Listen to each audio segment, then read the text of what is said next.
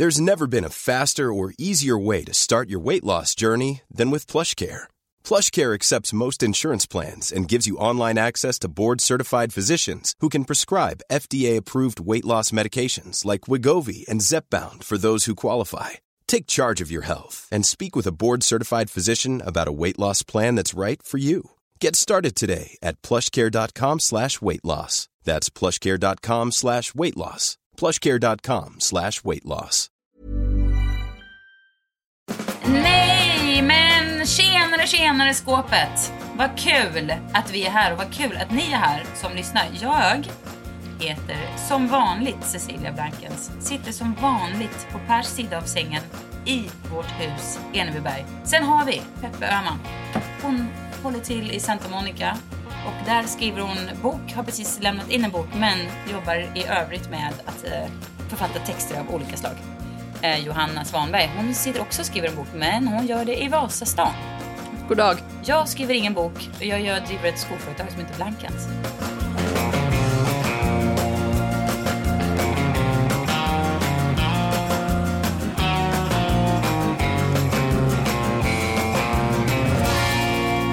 Är det något mer du vill lägga till Svanberg? Nej, men jag vill bara lägga till att den person som jag är mest avundsjuk just nu på, vad gäller de senaste åren, så är det Boris Johnson, för han har varit på så sjukt mycket fester. Jaså, det har han?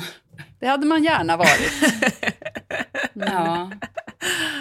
Jag tänker på hur otroligt många bilder det finns där han sitter där rufsig med så här gamunacke ner över sin pint och ser lite förvirrad ut. Alltså Nej. den eh, bildbanken tar aldrig slut. Det är väl det som bildbyråerna tjänar allra mest pengar på om de lyckas få honom att se extra dum ut. Och så får han på det sättet tre nya väljare. Mm. Men på tal om det så, min, i min hemstad Mariestad, där finns det liksom en starke man. Ni vet den här gamla serien. Alltså kommunalrådet heter Johan Abrahamsson.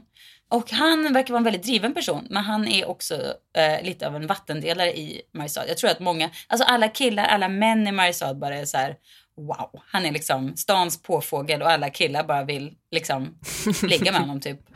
Ja, nej, han är poppis liksom, men han är också väldigt så här, driven, jättedriven och han håller på att göra Mariestad till en så här, verkligen en för, föregångare eh, när det gäller eh, till en grön omställning. Det finns en vätgastankstation och man ska göra liksom vägarna så att bilar laddar sig genom kör. Alltså de har ju tagit enorma initiativ och tack vare det här så blev de inbjudna till internationella eh, klimat och miljömålsammanhang i Glasgow. Jaha, Johan Abrahamsson stack dit då för att prata och man kunde ju kanske eh, Eh, fundera på om man skulle låtit bli för att eh, eller ja, han, han är absolut, han, han kände så här, jag, jag har gjort allt det här så att jag, jag ska ta åt mig äran av det här. Eh, men han, han vägrade liksom inse sina begränsningar i det engelska språket.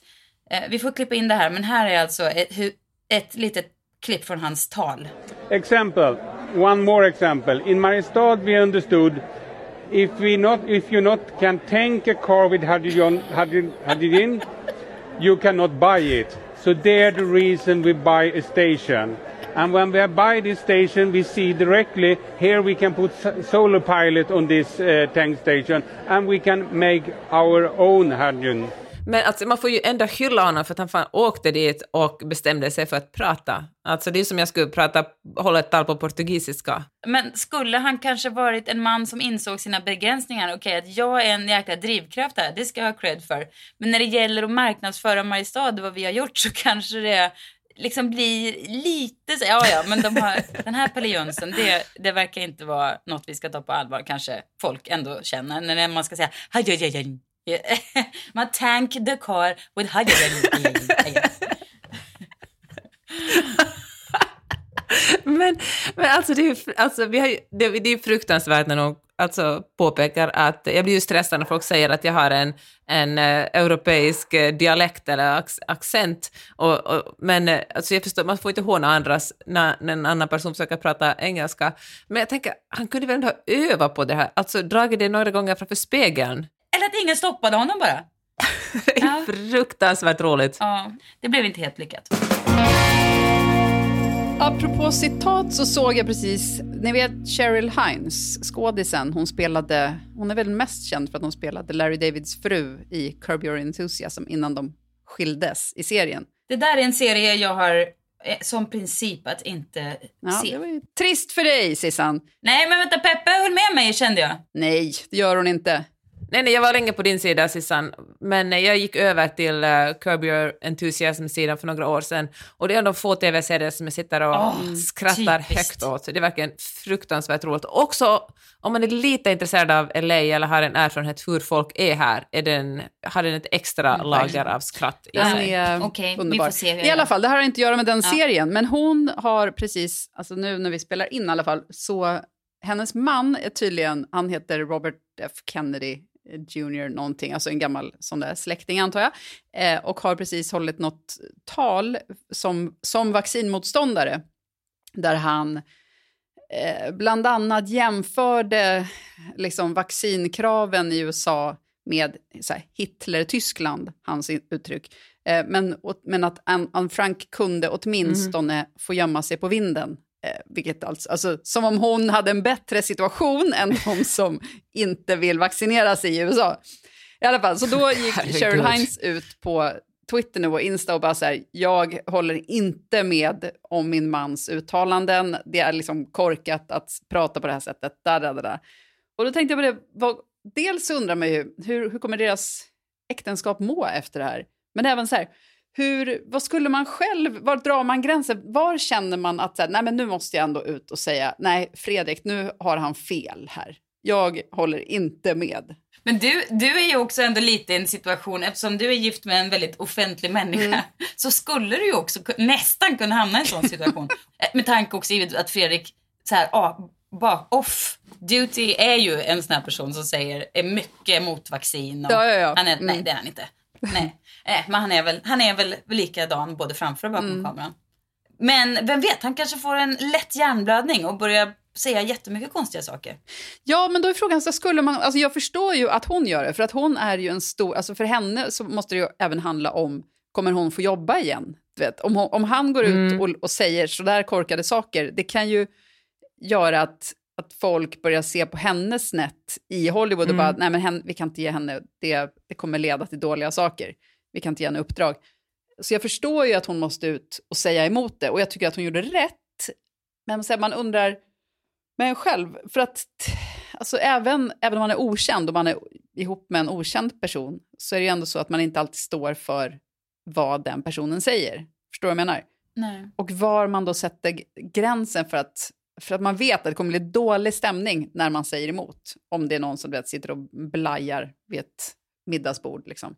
Jag är tack och lov gift med en man som inte har några åsikter. Nej, jag bara. Men, men, men han är inte sådär stri, stridslysten kring det liksom. Nej. Jag kan ju verkligen vara stridslysten kring mina åsikter. Jag kan tycka att det är kul att äh, prata om sånt kring ett Ja, men middagsbord. särskilt om man hade så här, typ druckit några glas vin, då kan man ju så här, plötsligt tycka att vissa saker är superviktiga.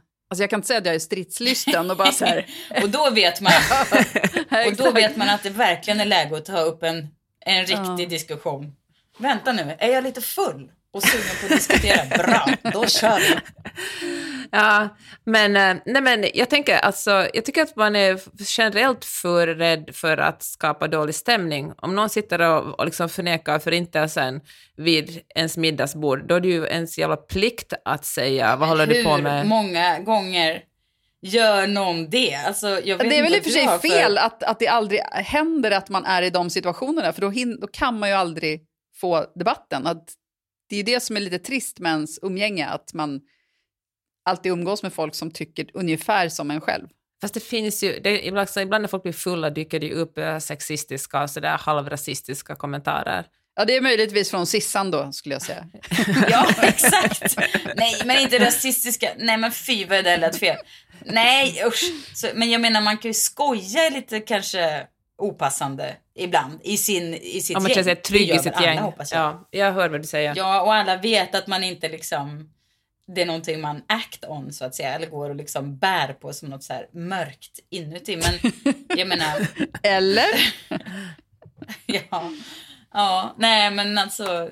Nej men jag menar bara att man kan ju ibland, ibland kan ju det landa lite fel kanske om man är lite, eller jag har ibland eh, i diskussioner kan jag ju vara lite klantig och gå på lite väl mycket och sen Nej men jag kanske vispar upp mig över att, eh, nej jag kan inte ens säga det här i podden för då får jag liksom så mycket. Men säg någonting bara så här, vad, i vilket område rör vi oss? Nej men okej, ett ämne som jag kanske ibland har tagit upp som kanske inte landat helt bra är när man pratar diagnoser. Ja, just det. Alltså, Mm. Ja. Och jag menar, jag säger inte, alltså jag, jag, det, det är bara att det, att det här om man liksom, vissa diagnostiseras lättvindigt och sen kan det vara någonting som man använder. Jag säger inte att det är så här, men det är ändå någon, alltså ja, jag ska inte ens trassla in mig i det där för att jag, det slutar inte väl. Men jag, jag menar, det är en sån diskussion som man absolut skulle kunna hamna i. Mm. Det jag egentligen inte, det är inte något jag är så här, har Du rätt brinner inte för det. aning om. Eller brinner för eller någonting. Det kan ju bara vara någonting man är lite så här, hehe, typ, tycker är lite så här. Vet, hade jag varit stå upp komiker hade jag kanske skojat om det. Vem vet? Men nu är jag ju inte det. Och då blir det liksom, kan det bli känsligt. Mm. Men hur skulle du känna om du fick höra, om du hade sagt något sånt och sen så skulle, sen skulle du få veta att Per har gått ut till dem ni käkade middag med och bara, jag ber om ursäkt, jag håller inte med Sissan om det här, jag vill bara ta ställning så att ni vet att jag inte håller med om de här Jag åsikterna. ska faktiskt känna mig jätte, jättesviken av Per. Ja, Nummer ett. Alltså något enormt. För att det är så här, vad är det för liksom, är inte vi i samma lag? Är man inte i samma lag? Vad fan ska man vara gifta eller leva ihop då för? fast man kan ju vara på samma lag, fast det handlar ju om åsikter kring ett visst ämne. Alltså jag tror inte att Cheryl Hines och hennes man är inte på samma lag. De är absolut inte på samma lag. För att så här, man kan, det är väl en sak att inte ha samma åsikter, det behöver man ju inte ha. Men att gå ut och liksom säga att just det där tycker jag, alltså Alltså han har bett om ursäkt för sina Anne Frank-uttalanden. Eh, eh, han är ju fortfarande vaccinmotståndare, men han, han, har, han har erkänt att det var klantigt formulerat. Ja, det är med, alltså, det som Sissan sa, det där att man måste vara på ett, ett team, och då kan man ju tycka olika saker. Att vara ett team betyder ju inte att man ska ha exakt samma smak och åsikt i precis allting. nej verkligen Men inte. man måste ju hålla varandra om ryggen, att det alltid känns tryggt att man vet att det alltid finns någon som fångar upp en ifall någonting händer. Jag tycker det är det Ja, viktigaste. det är klart, men det tycker jag inte behöver betyda att man måste tycka samma hela tiden. Och man kan till Nej. och med tycka olika om vaccin, tänker jag. Nej men absolut, men det, det jag menar är själva sveket är ju inte att, de, att hans åsikt då, Mm. utan att hon liksom knallar ut och bara blä, åh, den där. Men så kanske det inte var. De hade kanske kommit överens om det här, pratat ihop sig och att det var liksom en Ja, för att strategi. hon måste rädda sin och, karriär. Då, Sen kan man ju tänka att det var ett svek Ja, från hans och- sida som riskerar hennes karriär. Alltså det, är ju- Mm. ja, verkligen, det, var ju, eh, verkligen. det handlar ju mer än deras åsikter, utan det handlar ju liksom om, det är ju ett större, och det handlar ju, herregud, när, precis när det handlar om vaccinmotstånd handlar det om människoliv i praktiken. Så det är ju, ja, fan, eh, svårt, men det är ju ett bra sätt om man vill ha lite publicitet liksom åt båda hållen. Att slänga ut sådana här saker, eller ha ett offentligt gräl.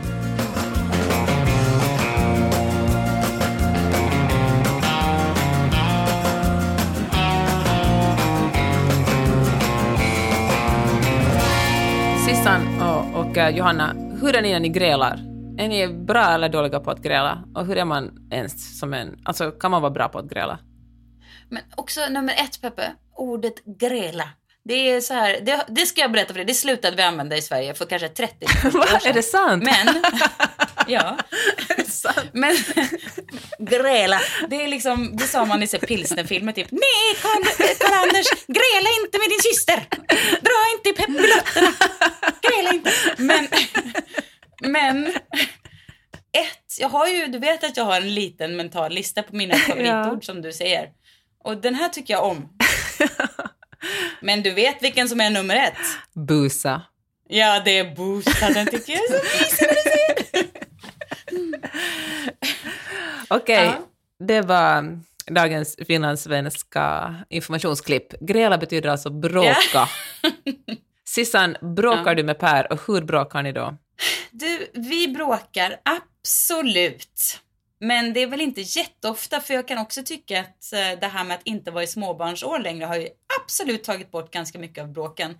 Det här med att leva ett betydligt mer jämställt liv än vi gjorde när vi bodde i LA har också tagit bort väldigt mycket av bråken. Men nu ska jag berätta, det är otroligt vad Per får vara med i den här podden hela tiden. Men nu kommer en en till historia om Per. Men, Hoppas att det är alltså, snoppen i hade- diskmaskinen igen, för den tycker jag om. Ja. Man kan lyssna på ett gammalt avsnitt om man undrar vad den kan historien handlar om. Ja. Det, det heter nog till och med snoppen i diskmaskinen. Japp. Ehm, jo, nej men han, när vi hade tioårig bröllopsdag så höll jag ett litet tal där jag lyfte fram någonting som jag verkligen eh, känner är sant. Och det är att jag älskar nog Per kanske allra, allra mest faktiskt när vi eh, bråkar.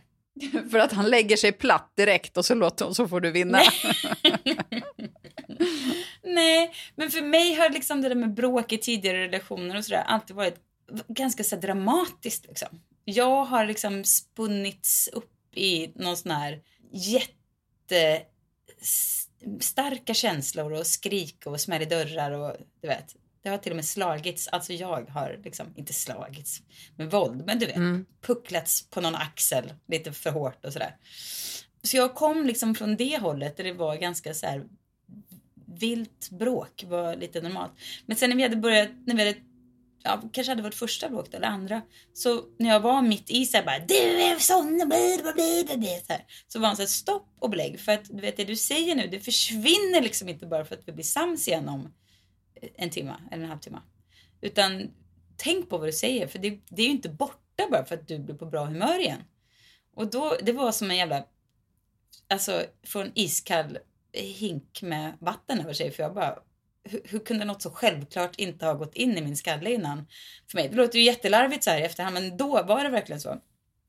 Och sen är han väldigt, så här, han är väldigt, väldigt bra på att bråka för han bråkar emot. Det är inte så att han verkligen inte lägger sig platt men han lyssnar och sen så är han också väldigt, tar han liksom verkligen till sig och gör när man är så här, det här så gör han ändringar. Och vi, i själva bråket kan det ju vara ganska så här hetsigt och så. Men när vi hade vår så här på nyårsafton och vi pratade om så här bästa och sämsta under året. Då sa han faktiskt, och det tycker jag var liksom lite kärleksfullt på något vis. Och då sa han att det sämsta som hade hänt förra året var att vi hade bråkat en gång och vi brå- det var någon gång i höstas när vi från ingenstans bara blev ett så här jättebråk. Om hundarna var det då för att ja, det var något som hade hänt med hundarna som jag tyckte att folk inte tog ansvar för. Eh, och det kom liksom från ingenstans och bara eskalerade och blev så här ganska jätteargt liksom, på ett sätt som vi inte brukar bråka på. Det var liksom så. Och då sa han det på vår så här, nyårsafton som man skulle, då sa han det som det jobbigaste som hade hänt året, det året, det där bråket. Och då tänkte jag, va? Det där var väl typ ett ovanligt snällt bråk för mitt gamla jag. Men han kommer väl inte därifrån då. Men då tyckte jag nästan att det var lite romantiskt gulligt att han tyckte att det var det jobbigaste med förra året. Att vi hade bråkat lite mer än vi brukar. Ja men så vi bråkar och ehm, ja det är arga toner absolut. Men vi brukar liksom aldrig kränka varandra. Det är jättebra. Ja, ni då? Ja, men jag, vi bråkar mindre nu än i början. Jag tänker också när, jag vet inte, kanske man bara har mer energi eller så, i början när man är ihop, eller så blir man bättre på att uh, bråka med åren. Men eh, vi bråkar ungefär, man kanske var tredje månad har vi ett stort gräl som nästan alltid startar från någonting helt smått. Vi hade ett jättestort gräl för, det är kanske ett år sedan nu, men jag kommer ihåg det för att jag, vi bar upp grejer från garaget och jag stannade inte och höll upp dörren för Magnus för att, av någon orsak. Och sen påpekade han det och sen kunde jag ha svarat, men sorry, men så svarade jag någonting, men fan håll din jävla dörr själv eller något sånt. Och det blev ett jättestort gräl. Men jag kan bli, men det, alltså just då i stundens hetta, när jag kan verkligen känna att jag hatar honom så mycket. Jag kan verkligen känna ett sånt, ett sånt alltså nästan så jag blir, när man älskar någon riktigt mycket kan man bli alldeles yra av liksom, de känslorna, men de motsvarande känslorna kan jag få, jag känner att jag hatar honom. Sen går de om liksom, sen kan det gå två minuter och sen är allt okej igen, jag vill gå vidare i livet. Men eh, då kan vi ofta vara lite osynk, för då är han sur ännu en längre tid. I och för sig bättre nu, förr i tiden kunde han vara sur i dagar, nu brukar det gå över liksom på några timmar. Men eh, ja, sådana är vi. Alltså vi bråkar ju typ väldigt sällan. Alltså särskilt nu, säkert efter ja, men när man inte längre har småbarn och sådär. Men också för att, jag vet inte, ingen av oss är särskilt bråkig typ. Och jag skulle tro att förut så var jag nog mer en sån som gick och surade. Nu tror jag att jag är bättre på att ta tag i det och så bara tala minut om det. Fast bara- vi har aldrig haft sådana här bråk, du vet när man anklagar varandra eller, eller blir helt galen. Vi är lugna. Trist va? Men hemligheten är ju som sagt, Mm. man måste verkligen, hur frestande det än är, att börja anta saker om varandra och sådär. så får man ju bara låta bli. Man måste ju bara utgå från sig själv. För att det är det man blir vansinnig på när någon berättar för en hur man är och vad man Ja. gör. Bara, nej. Men alltså den impulsen, jag förstår inte ens den impulsen. Hur man skulle, alltså jag förstår ju att folk bråkar på det sättet, men det är mig så otroligt främmande att jag skulle börja så här, säga “men du då som håller på med det här, bara."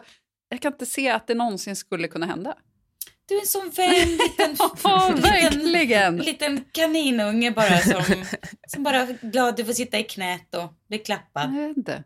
Men jag tror ändå att jag har blivit rätt, alltså nu, förutom att jag inte bråkar med Fredrik så har jag liksom blivit mycket mindre rädd för att ta diskussioner och bråk, vilket är rätt skönt. Att det är bättre Ja. att ta upp saker tycker jag och liksom få ut det.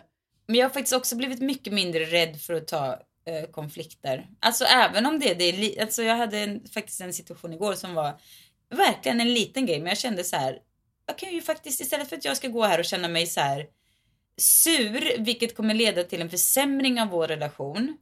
Det var inte med Per utan det var en annan familjemedlem som inte heller var mina barn. Ska vi ha gissningslek? Nej, men ja. Utesluter kvar att metoder. gissa på. Mm. Eh, Och då så fick jag ett, liksom ett sms som jag tyckte var så här okänslig och otacksam. Och eh, då, då tänkte jag, mitt vanliga jag hade nog, eller mitt vanliga, mitt, mitt jag för några år sedan hade nog bara så här. Så, så hade jag gått och retat mig på det. Men nu svarade jag så här. Hörru du, när du säger så där så känner jag faktiskt så här. Och då löste sig det med två, tre sms fram och tillbaka så var det klart liksom. Jätteskönt. Mm. Bra. Det väl jättebra att berätta hur man själv känner istället för att säga du är dum i huvudet. Det är väl så här, om man går i terapi, liksom det första man lär sig. Men eh, ja, jag hade en eh, period i mitt liv som jag verkligen tyckte nästan njöt av konflikter. Och då menar jag liksom inte så här konflikter mellan vänner, utan jag var satt på liksom, alltså middagar och väntade på att någon skulle säga någonting idiotiskt. Så du fick trycka till dem liksom? Ja, vilken vidrig person. Det här var liksom före jag blev ihop med Magnus, så det är ändå lite preskriberat, hoppas jag.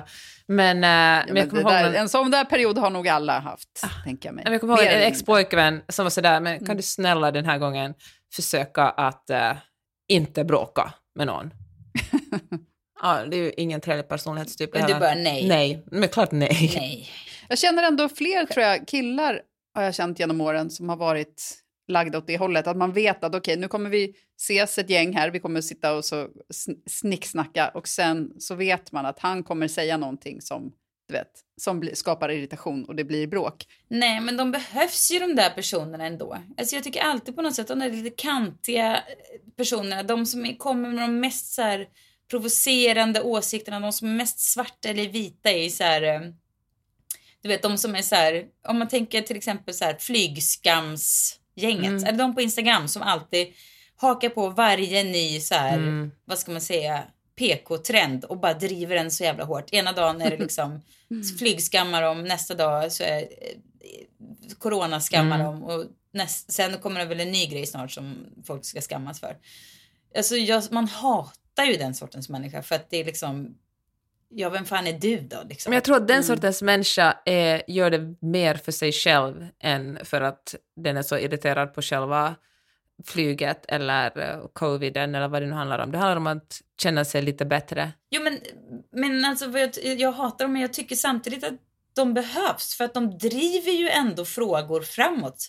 De bli, alltså, någon måste ju gå längst fram och vara extremt obekväma och svinjobbiga och liksom lite hatade. Ja, men För samtidigt så finns det ju alltid, alltså om du hatar dem samtidigt, alltså det finns ju alltid Mm. sätt att lyfta frågor på som gör att, att det blir kul och inspirerande. Det finns ju Mm. alltid en vinkel som kan ändras på för att få fram någonting man vill få fram. Jo men kanske inte i första steget.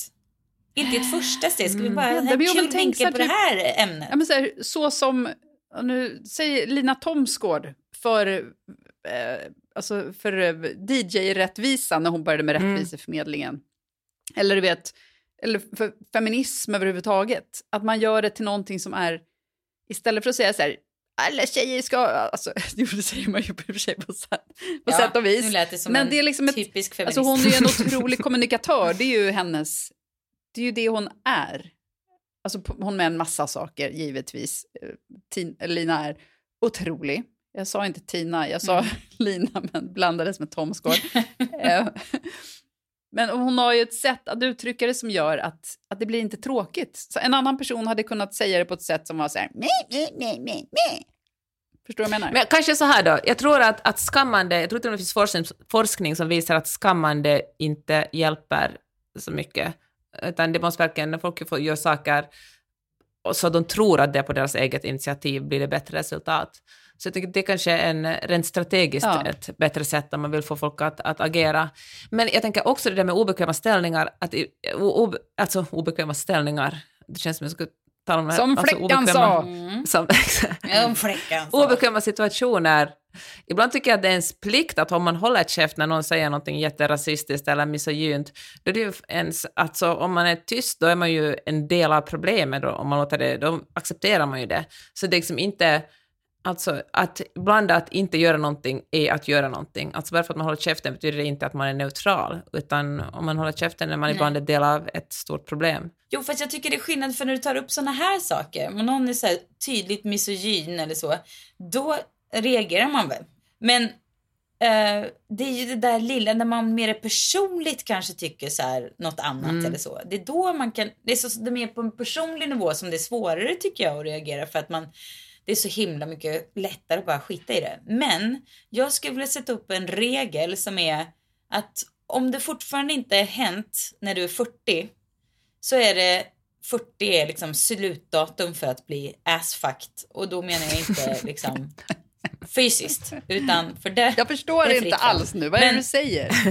Om det inte har hänt när du är 40 så vad? Ja, men då får man bara, då, då har man vuxit ifrån att ta skit helt enkelt.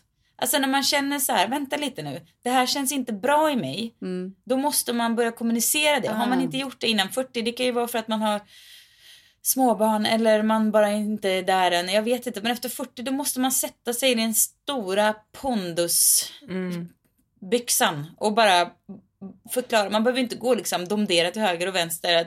Men man kan absolut, när man känner att det når en viss gräns, bara nej, det här gör mig upprörd eller irriterad eller det här känns inte bra.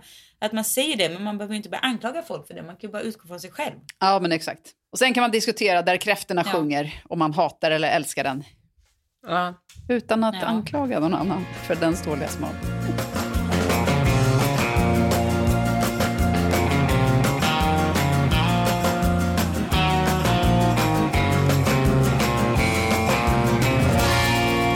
På ett tillfälle när det kan verka, eller som jag tyckte var jobbigt förresten, när, när det kändes som att jag och Fredrik bråkade inför folk. Vilket alltså, som jag sa, vi bråkar aldrig, eller typ, väldigt sällan i alla fall.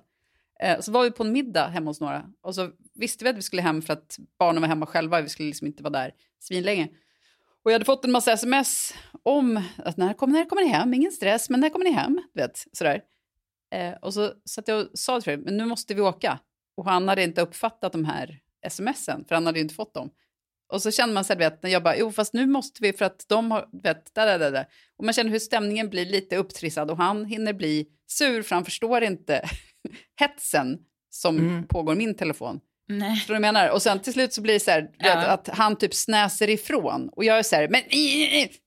Och då sitter det liksom fyra Ja. andra personer där som bara, oj, vad, är det så här alltså? Du vet, när man känner att man bara, ja men nu framstår det här på ett sätt som det absolut inte är. ja. Den tycker jag, ja.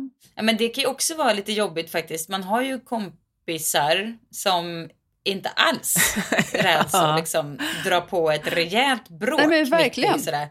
Och det eh, kan jag ju tycka känns är faktiskt eh, jättejobbigt för då blir man ju ver- verkligen så pressad och tar man kan ju inte bara låtsas som ingenting. Men man vill ju heller verkligen inte så här tvingas in i en, en diskussion som man kanske inte alls har något med att göra. Eller? Nej, ja, men det är där man liksom inte vill handla för man, hamna, för att man vet ju att om man är en sån som framstår som ett par som bråkar när man har ätit middag eller så här, druckit vin, då blir man inte bjuden nästa gång. Nej, men jag tänker också att, att de paren handlade ju om att, att deras bråk, alltså deras bråksensor är mycket mindre känslig än kanske för en själv. Det som man tycker Mm. är liksom ett skilsmässobråk tycker de är ett vardagligt gnabb. Ett vanligt litet gräl. Ja. Ja, men en sån normalbråkare skulle ju inte ha reagerat ens tror jag på det som först gick mellan mig och Fredrik när jag var så här, vi måste gå hem och han hade gärna suttit kvar ett tag till. Jag tror inte att någon annan hade sett det som, alltså om man brukar bråka så ser man inte det som ett bråk. Nej.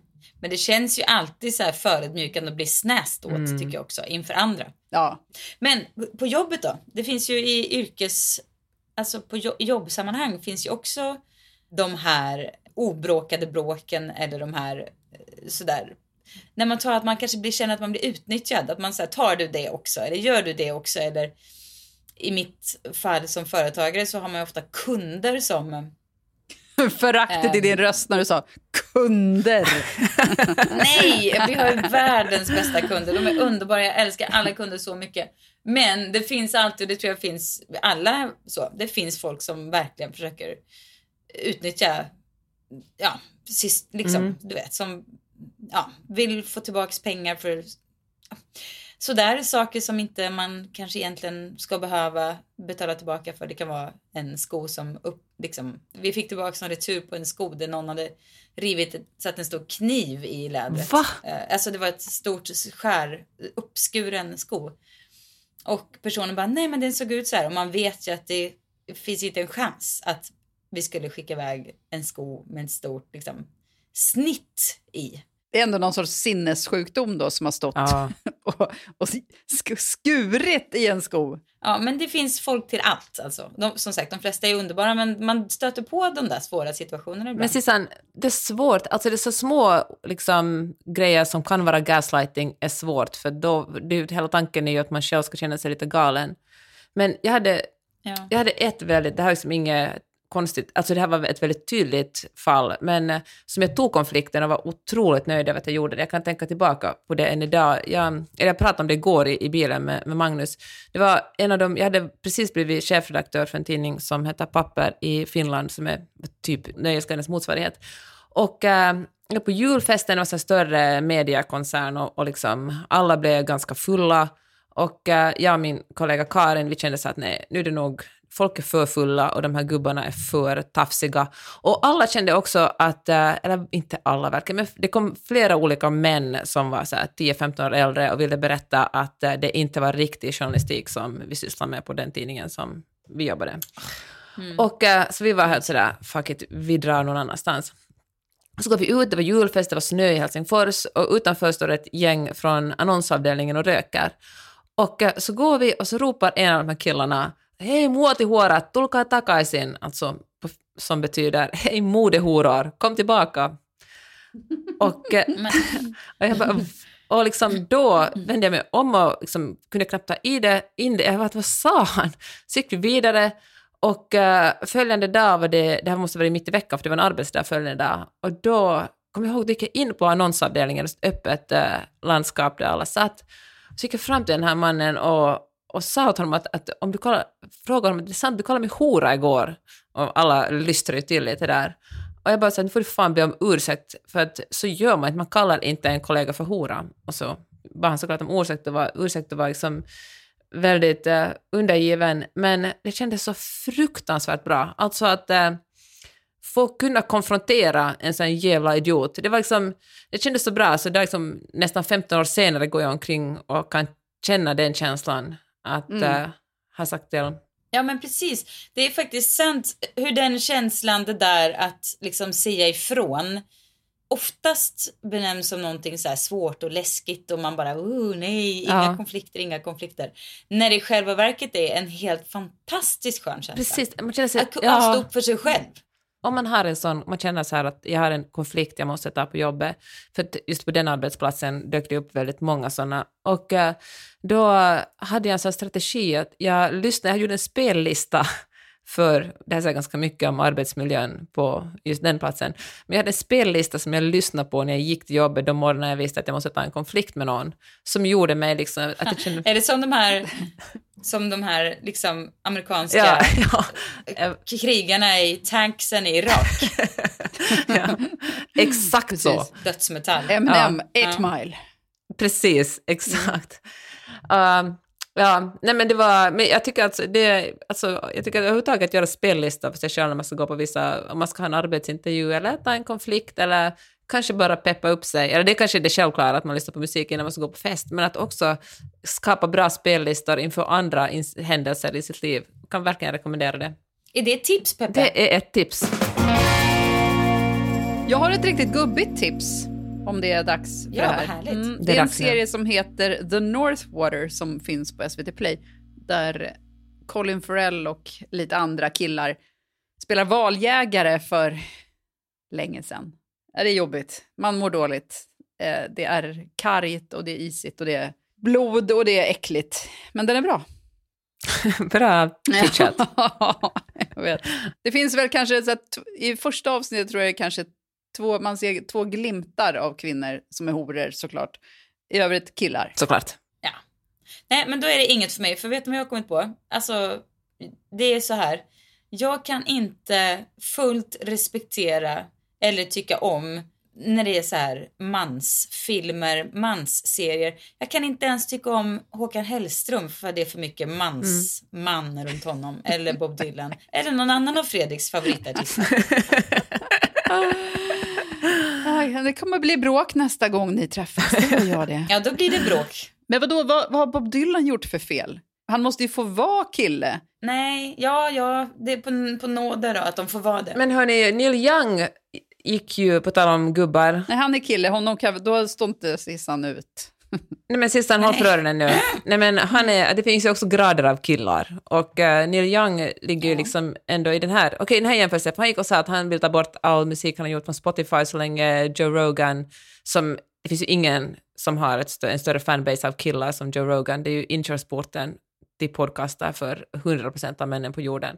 I alla fall i USA, jag tror att det är ganska få svenskar fortfarande som känner till Joe Rogan, om jag ska välja. Alltså Tror förutom det? om det här, för att, ja, alltså visst, Nej. en del killar, men det är ju inte som att det är, det är ju Joe Rogans podcast är inte, det är ju inte Alex, alltså Alex och Sigge är ju större här, även Filip och Ja. Fredrik. Alltså, Det är förresten ett bra exempel på så här, mm, ska lyssna på en podcast. Bara, Alex Sigge, kan, det kan ju vara kul. Men nej, det går inte. Jag kan För inte, mycket killar. Det, det kommer killblocken. för, för mycket killblocken direkt att lära mig. Fan, jag kan verkligen relatera till det. Jag kan verkligen också känna en sån fruktansvärd irritation på, på kill, mängden killar. Hur som helst så sa Neil, alltså Neil Young sa att så länge Joe Rogan finns och sprider sin antivaccinationspropaganda på Spotify så kommer han inte att finnas där. Vilket ändå säger att det var ju respektfullt. Det Eller, var stark kill. ja. Vet du, jag ska säga, det handlar inte om alltså att jag är så här emot killars eh, innehåll eller musik. Utan det handlar om att om, här står jag, kan göra ett aktivt val och ge någon min spelning på Spotify. ja, ja, men Jag tänker, skulle Taylor Swift ha sagt det hade ju ingen kille brytt sig, för killar är inte intresserade av kvinnor. Alltså, jag ser att det finns en hel del kvinnohat där ute, men det för det allra mesta är kvinnor, män bara ointresserade av kvinnor. Alltså, mm. killar bryr sig inte om det kvinnor gör. Och hade Taylor Swift sagt jag tar bort min musik från Spotify, hade 100% av alla killar ryckt på axeln. Säger Neil Young det så kommer åtminstone tre killar att eh, reagera på det här. Okej, jag eh, får jag också komma med ett tips. Eh, först vill jag säga Johanna, Ja. tack för att du fick mig att kolla på Yellow Jacket som du tipsade om förra veckan. Fortfarande lite för läskig för mig, men jag sögs också verkligen in i den. Det handlar alltså om en, en, eh, en flygplansolycka någonstans i, på västkusten, tror jag, i USA på 90-talet, där ett gäng eh, unga kvinnor, fotbollsspelare, överlever kraschen och försöker klara sig ensamma i skogen. Och så händer någonting hemskt och så får man följa med både det som händer idag, de är vuxna, de som klarar sig och de på 90-talet. Väldigt cool 90-talsmusik också. Mm. Typ bara kvinnor också i soundtracket. Exakt det! Gör mig på så gott humör att det är en sån majoritet Mm. av kvinnor. Verkligen otroligt kul att kolla på den. Och Juliette, Lu- Juliette Lewis, gud vad svårt det var att uttala. Men inte lika svårt som hajjaj, Tank hajjaj. så en vuxen version av en av kvinnorna. Och eh, hon är så fulsnygg. Alltså jag fattar, nu kommer Johanna att säga, bara med Peppe, hon har ju alltid haft ett fulsnyggt utseende. Fair enough. Men hon är, det finns någonting i hennes, eh, hon, hon, alltså hon är så fulsnygg att jag bara liksom inte kan sluta tänka på henne. Och då tänker jag på en grej som, eh, uh, fan heter hon, Caroline Ringskog Ferrada Nåli skrev på Twitter att nu efter SVT-dokumentären Under kniven är det äntligen dags att, att de fula kvinnorna blir snygga. Det blir äntligen coolt att vara vanligt ful igen, för att ingen orkar väl se ut som den här, ingen orkar se ut som den här perfekta Kim Kardashian stereotypa ansiktet. Och då tänkte jag att Juliette Lewis är ett ex perfekt exempel på det. Så mycket karaktär, så mycket snygghet och personlighet och uh, liv i hennes face. Fy fan vad härligt det är att kolla på henne. Ja, och vad deprimerande det är att, att det är något som man ska behöva säga nu. Alltså det gör mig verkligen deprimerad. Att man måste ja. påpeka att hennes utseende är snyggt bara för att hon ser ut som hon gör. För att hon har kvar det utseende som hon föddes med. Mm. Deprimerande tid, hörni. Men får jag komma med ett annat tips förresten? Som, det här, nu snodde jag Johannas tips från förra veckan med, med den här Yellow Jackets. Mitt tips är nämligen Somebody Somewhere som handlar om en kvinna i Kansas. Hon är medelåldern och uh, hennes syster har dött och hon är otroligt olycklig över det här. Uh, hon spelas av Bridget Everett. Jag vet inte om ni vet henne, hon är en amerikansk superrolig mm. komiker.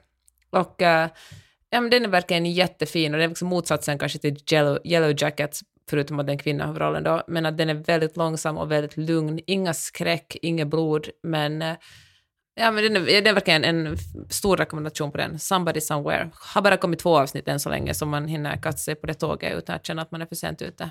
Jag vill tipsa om eh, någonting som heter Repamera. Hmm. Man går in på repamera.se tror jag. Det är alltså en underbar tjänst. Jag hade nämligen en dunjacka, eller jag har en dunjacka, som jag tvättade och sen så vill inte torktumlaren funka och ni vet vad som händer med en, en dunjacka som inte får mm. torktumlas. Det blir liksom hårda mm. dunbollar och ja, den tappade, det blev liksom några hårda dunbollar och så var det bara tyg däremellan. Och det var jättetråkigt för jag tyckte så mycket om min dunjacka. Då googlade jag lite så här, var kan jag, hur kan jag få fart på den här? Då hamnade jag på Repamera som jag hört talas om innan, men jag visste inte att de gjorde också sånt här. Så jag beställde hem ett eh, litet kit, man fick liksom en påse och så skickade jag iväg min jacka och beskrev så här. Och så var det också en dragkedja som hade lossnat lite grann. Den behövde liksom ses över. Och få nytt dun. Eh, ja, tio dagar senare fick jag tillbaka jackan i skick som ny alltså. Otroligt. Och där kan man också, du vet, man kan skicka in om man har en hel hög med grejer som behöver lagas. Så skriver man bara de här byxorna, där ska vi sy upp eller här ska vi sy in och där behöver vi laga ett hål på knät och där har dragkedjan lossnat och det här behöver en ny dragkedja och så fantastiskt smidigt och bra och man fick också ett litet kort från personen som hade fixat det och bara så här som stod så här. Och sen så var det också, det var bara så otroligt så här smooth, genomtänkt, snyggt, bra och det, påsen kom hem till mig och eh, både det, så jag behövde liksom inte knappt eh, liksom lämna huset för att få det här fixat. Underbart! Mm. Grymt! Ja. Hörni, då hörs vi nästa vecka igen. Ja! Tusen tack för att ni har lyssnat. Kom ihåg att prenumerera på podden och uh, skriv gärna en snäll kommentar. Vi blir så glada när ni har när jag skriver kommentarer både på Instagram och uh, som recensioner på iTunes. Tusen tack, uppskattas verkligen jättemycket. Vi hörs snart. Hej då! Hej då!